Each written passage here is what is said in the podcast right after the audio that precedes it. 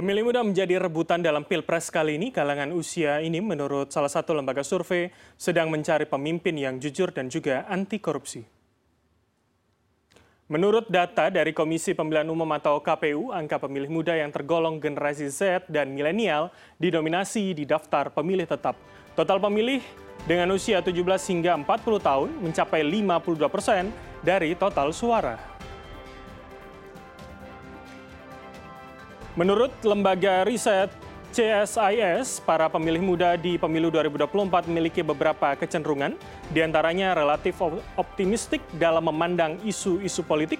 Pemilih muda juga lebih memilih pemimpin yang bercitra jujur dan anti korupsi, bukan citra sederhana yang banyak diminati pada pilpres sebelumnya. Para pemilih muda juga dinilai memiliki minat partisipasi yang cukup tinggi terhadap pelaksanaan pemilu dan menuju 2024 para pemilih muda semakin banyak menggali informasi dari media sosial sehingga penetrasi media sosial kini semakin tinggi.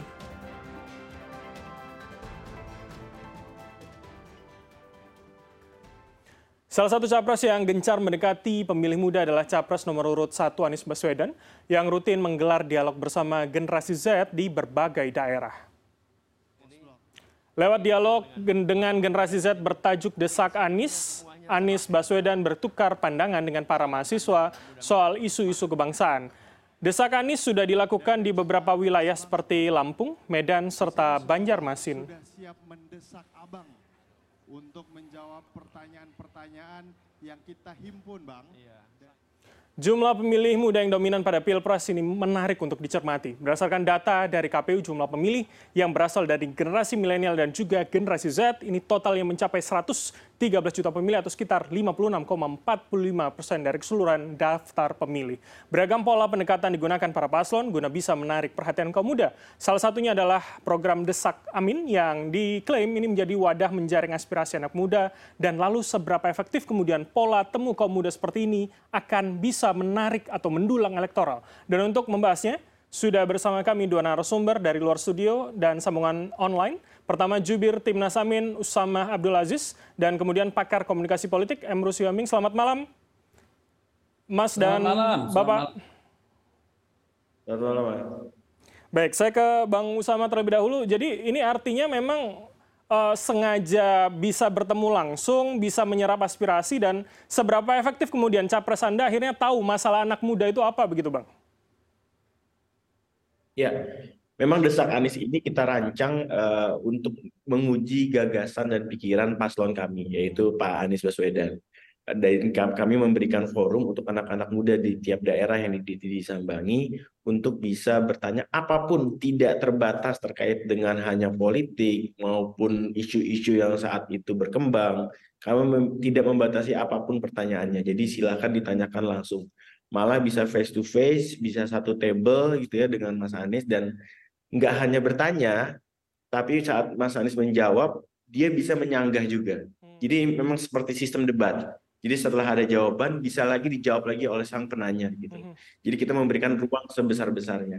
Jadi dan itu bukan hanya yang ada di hadir di acara tapi juga ada di medsos yang memang okay. kita memberikan ruang untuk yang di bertanya. Bang Usama, tapi nah, kalau yang datang ini ya. bisa dari semua pihak atau jangan-jangan hanya pendukung Amin saja yang kemudian ya kalau sudah pro kan artinya ya tidak bisa mendebat dan dan mengkritisi visi misinya Amin. Ya, karena itu kami selalu juga memajang di poster dan di Instagram kami untuk bisa memastikan bahwa siapa pun boleh hadir. Hmm. Bahkan yang menarik Mas, kemarin pada saat kami di Lampung ada relawannya Pak Ganjar datang dengan kaos Pak Ganjar duduk di paling depan dan kami berikan kesempatan untuk bertanya dan menguji langsung uh, paslon Anies Baswedan ini. Okay. Dan itu menjadi bukti bahwa memang yang hadir bukan bukan dari pendukung kami saja dan di sana juga kami membatasi untuk yang hadir untuk uh, dari relawan Anies Caimin tidak kami perbolehkan hadir dan dari partai pun kami tidak perbolehkan hadir hanya mungkin satu dua perwakilan yang memang sudah uh, memang uh, tokoh setempat gitu. Okay. Nah tapi kalau yang lain-lainnya jadi memang benar-benar pure harus anak muda, swing voters, undecided voters, maupun haters kami okay. undang semua untuk Oke, okay, harapannya bukan malah bukan pemilih begitu ya yang hadir ya. Saya ke Pak Emrus ya, sekarang. Ya. Pak Emrus, Anda melihatnya bagaimana? Baik. Apakah pola temu atau kopdar begitu ya istilah istilah mungkin zaman dulunya. Ini masih masih masih bisa kemudian menyerap aspirasi. Seberapa efektif kemudian bisa menarik simpati anak muda, Pak Emrus? Baik, sebelum saya membahas efektivitasnya, saya melihat dulu pemakaian diksi daripada program ini. Dan saya baca berita, program ini baru dirilis, dilansir uh, pas saat kampanye. Seharusnya program ini sudah dimulai sebelum kampanye karena bagaimanapun masyarakat pengen tahu lebih awal. Kalau dilakukan pas kampanye, saya kira tingkat efektivitasnya uh, tidak maksimal. Baru kemudian kita lihat istilah yang dipakai, desak Anis, walaupun tanda kutip. Saya ikuti berita, maknanya cukup positif, sangat bagus. Tetapi apakah masyarakat secara keseluruhan nanti memahami sebagaimana yang dimaknai oleh uh, pembuat program ini? Mm -hmm. Karena bisa makna konotatif, bisa makna denotatif.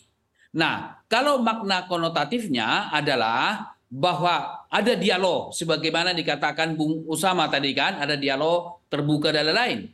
Tapi masyarakat uh, lainnya bisa memaknai uh, apa denotatif secara letterlet yaitu apa mendesak Anies seolah-olah posisi uh, tidak setuju dengan Anies. Okay. Artinya saya ragu Bang Usama yang membuat diksi ini jangan-jangan bukan dokter atau komunikolog. Jadi asal dibuat diksi, walaupun okay, okay. tujuannya positif. Oke, okay, Pak Emrus, kita... Tetapi diksi tidak tepat. Kita konfirmasi nah, ke Bang Usama kalau apa? begitu. Ke kekhawatiran soal ya. diksi desak itu, Bang. Apakah kemudian memang seperti ya. yang dikhawatirkan Pak Emrus begitu? Ya, jadi memang dari awal kami membuat program ini hanya untuk anak muda, milenial dan Gen Z, fokusnya di situ. Hmm. Dan bahasa diksi ini diterima dengan baik oleh milenial dan Gen Z tanpa ada keraguan dan tanpa ada uh, salah paham, Pak. Izin dan makanya, Mas, saya bisa sampaikan bahwa saat ini Desak Anies semakin hari semakin banyak sekali peminatnya. Di hmm. media sosial saya melihat sebegitu banyaknya orang yang akhirnya berubah pikiran setelah melihat dan menguji dan video-video yang tersebar maupun video yang di YouTube maupun video-video pendek. Jadi memang pasarnya spesifik untuk anak-anak muda yang di mana memang mereka memahami diksi ini dan uh, masuk di mereka. Oke. Jadi tapi tadi Pak Imrus kan mengatakan bahwa desak itu seperti uh, memojokkan, seperti kemudian me ya, ya. mendesak begitu. Itu bagaimana Anda menanggapi itu? Betul, memang kita ingin memojokkan Pak Anies, kita ingin mendesak Pak Anies, ingin menghabisi Pak Anies di depan forum. Karena kenapa? Kami ingin rakyat Indonesia, khususnya anak-anak muda, bisa mendapatkan jawaban yang clear, bisa menguji Pak Anies sampai dengan ke tulang-tulangnya. Semua bisa dikuliti di depan forum. Dan kami percaya bahwa paslon kami sangat bisa untuk menghadapi itu semua. Okay. Karena memang paslon kami dosa masalah dan tidak punya masalah yang harus ditakuti oleh eh, anak-anak uh, muda dan dirinya sendiri. Baik, Pak Emrus, versi menguliti dari Bang Usama tadi, inikah kemudian uh, uh, yang cocok begitu paling tidak untuk Gen Z dan juga milenial, Pak Emrus? Anda melihatnya dari sudut pandang komunikasi politik hari ini yang kekinian seperti apa kemudian?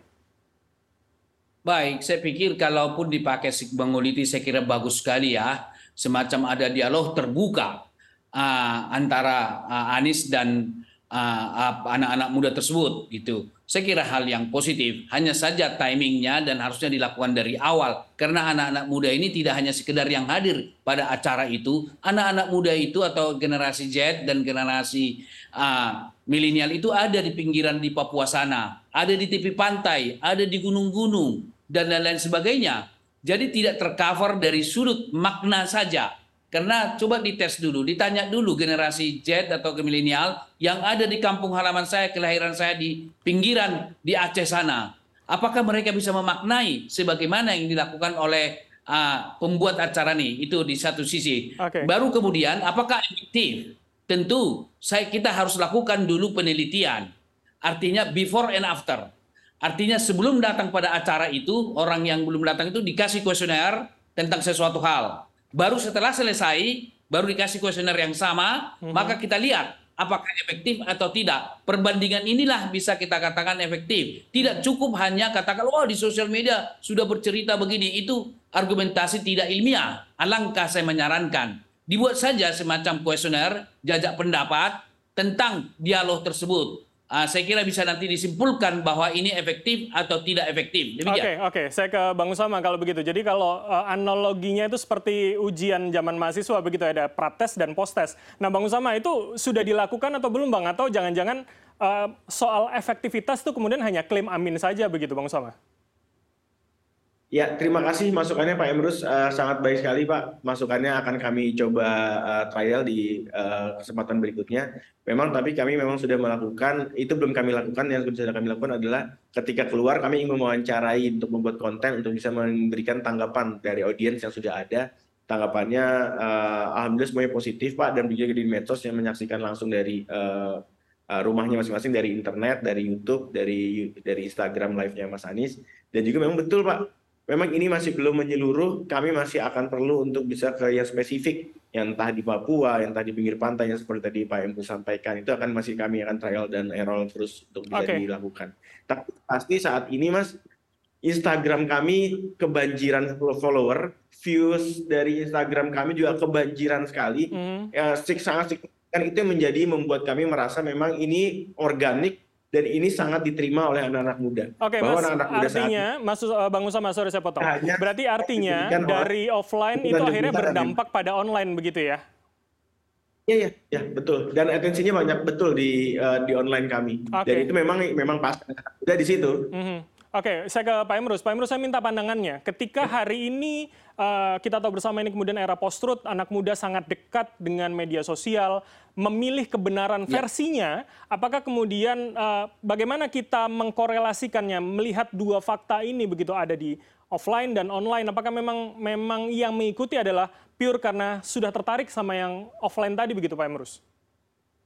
Baik, saya pikir ketika suatu peristiwa tertentu dan yaitu uh, offline misalnya ya ada hadir di situ. Lalu kemudian itu diviralkan melalui sosial media. Ketika peristiwa itu representasi dari seluruh rakyat atau uh, kelompok milenial, mereka melihat di sosial media. Kalau isinya itu representasi, mereka orang yang menonton sosial media yang tidak, tidak hadir pada offline merasa ikut serta tetapi persoalannya, apakah konten yang dibahas di situ representasi yang diinginkan generasi muda misalnya, katakanlah pertemuan itu katakanlah di Tangerang dilakukan. Mhm. Apakah dialog tersebut masuk ke sosial media, lalu dibaca atau di, di follower dari masyarakat yang ada di Aceh? Kalau itu isinya, kontennya adalah mewakili representasi mereka, maka tidak ada perbedaan antara online dengan offline tentang merespon. Seperti contoh begini, di Amerika Serikat, Obama mengunjungi keluarga dari door to door, pintu ke pintu. Tapi hasil pertemuan itu dikapitalisasi melalui sosial media karena dialog yang dilakukan itu representasi daripada persoalan-persoalan keluarga. Sehingga yang tidak dikunjungi merasa hadir pada acara okay. tersebut. Kemudian di sisi lain sedikit boleh saya tambahkan, kalau misalnya ada dialog tersebut, dibuat aja resume semacam uh, kesepakatan di tempat itu ditandatangan oleh Bung Anies sama peserta yang hadir. Misalnya poin, naikkan gaji apa atau bla bla bla beberapa poin tanda tangan sebagai janji politik lalu diviralkan lagi saya kira akan lebih terakumulasi efeknya oke okay. oke okay. Pak Imro saya minta pandangan Anda apakah kemudian memang sesuatu yang offline tem atau kopdar seperti ini akan lebih efektif ketika itu diviralkan diposting di media sosial di online begitu apakah kecenderungan itu yang memang hari ini dilakukan oleh Gen Z dan milenial begitu Pak Imrus Baik, sepanjang yang offline itu, dialog yang dilakukan itu representasi dari seluruh masyarakat yang homogen yang hadir dengan di situ. Mm-hmm. Jadi kalau tidak tidak homogen, tidak apa tidak representasi, boleh jadi kelompok masyarakat milenial di tempat lain menolaknya. Wah, bukan itu yang kami inginkan. Nah, sangat tergantung bagaimana pengelolaan yang terjadi pada offline itu, mm-hmm. uh, dialog yang terjadi sekalipun itu natural gitu ya kalau itu mewakili, saya kira respon publik akan positif sekalipun tidak hadir. Tetapi ketika dialognya itu tidak representasi dari uh, generasi uh, muda di tempat lain, saya kira hanya berlaku kepada yang offline itu saja. Oke, oke. Saya ke Bang Usama. Jadi bagaimana kemudian Bang, kalau Pak Emrus tadi mengatakan online itu sangat bisa mengkapitalisasi apa yang terjadi pada offline begitu Bang? Ya, betul Mas. Memang kami tujuannya seperti itu. Tapi untuk masalah isu lokal, kami juga concern terhadap itu, Pak. Makanya di setiap daerah itu kami sebelum memulai acara, kami membuka pertanyaan di medsos. Kira-kira isu lokal apa yang mau ditanyakan? Dan kami data itu semua, kami sampaikan ke Pak Anies, kita pilih pertanyaannya, dan itu disampaikan. Dan sebagian besar penanya juga, selalu anak-anak muda ini menanyakan isu-isu lokal yang memang uh, ada di sekitarnya dia. Kayak kemarin misalnya di Kalimantan mereka bicara soal tambang, soal kereta api, soal IKN. Di Lampung mereka bicara soal jalanan yang mulus, soal lapangan pekerjaan dan isu-isu itu memang kami capture semua. Jadi ini juga memang jadi forumnya Mas Anies untuk bisa belanja masalah apa yang dirasakan oleh anak-anak muda saat hmm. ini. Dari video-video itu yang kami ambil kami sebarkan di TikTok, di Instagram, juga di YouTube dan lain-lain sampai ke WA group dan banyak sekali kejadian-kejadian justru yang menarik dan pertanyaan-pertanyaan yang selama ini belum pernah ditanyakan dan selama ini belum mungkin nggak nggak nggak nggak familiar di anak-anak muda. Jadi itu memang jadi hal yang menarik. Okay. Dan ya sekali lagi bukti di Twitter, di Instagram, follower kami sangat drastis bertambah, views kami bertambah, dan engagement kami di komen-komen juga akhirnya banyak sekali uh, atensi yang kami dapatkan, okay. dan itu menjadi bagi kami bagi keberhasilan dari program ini. Bang Usama, terakhir, ketika Selasa besok adalah debat perdana, ini saya bacakan tema debatnya adalah pemerintahan hukum HAM, pemberantasan korupsi, penguatan demokrasi, peningkatan layanan publik, dan kerukunan warga. Apakah kemudian sepanjang paling tidak tiga tempat, kalau saya tidak salah tadi sudah dilakukan uh, desak Anies ini, apakah memang ada tema-tema yang dekat dan bagaimana sebetulnya tanggapan generasi muda soal bagaimana sudut pandangnya begitu yang di-capture oleh tim Amin? Betul. Isu korupsi menjadi isu yang memang selalu ada di setiap pembicaraan. Benar-benar anak muda ini sangat ingin menyelesaikan masalah korupsi dari Republik ini. Dan itu selalu menjadi uh, concern dari anak-anak muda. Hmm. Dan pada saat itu juga termasuk mas, bagaimana penyelesaian uh, konsep penyelesaian kasus-kasus HAM masa lalu. Dan sekaligus promosi juga tanggal 13 kita akan ada di Riau. Kita akan ada desak Anies di Riau, sekaligus teman-teman mungkin yang menyaksikan bisa hadir untuk menyaksikan itu. Okay. Dan bisa bertanya apa pun. Baik, terakhir saya ke Pak ya. Imrus. Ya. Pak Imrus, bagaimana Anda melihat tema debat pertama besok? Seberapa relate dan kira-kira bagaimana sebenarnya pandangan mereka? Eh, di apakah itu kemudian menjadi prioritas paling tidak? Soal hukum, eh, anti korupsi, pemerintahan, bagaimana pandangan Anda? Baik, dari beberapa tema tadi, saya kira tema yang paling urgent dibicarakan adalah penegakan hukum dan korupsi. Mhm. Artinya pemberantasan korupsi. Itu menjadi tema sentral saya pikir yang menjadi uh, perhatian seluruh rakyat Indonesia. Karena kita melihat, kita harus jujur mengatakan sampai sekarang mengenai korupsi belum ada solusi. Masih terus berlanjut, gitu ya. Uh, sekalipun kita katakan KPK bekerja, tetapi sekaligus menunjukkan bahwa memang masih ada persoalan korupsi, OTT dan lain-lain sebagainya. Kemudian di sisi lain, penegakan hukum juga masih belum.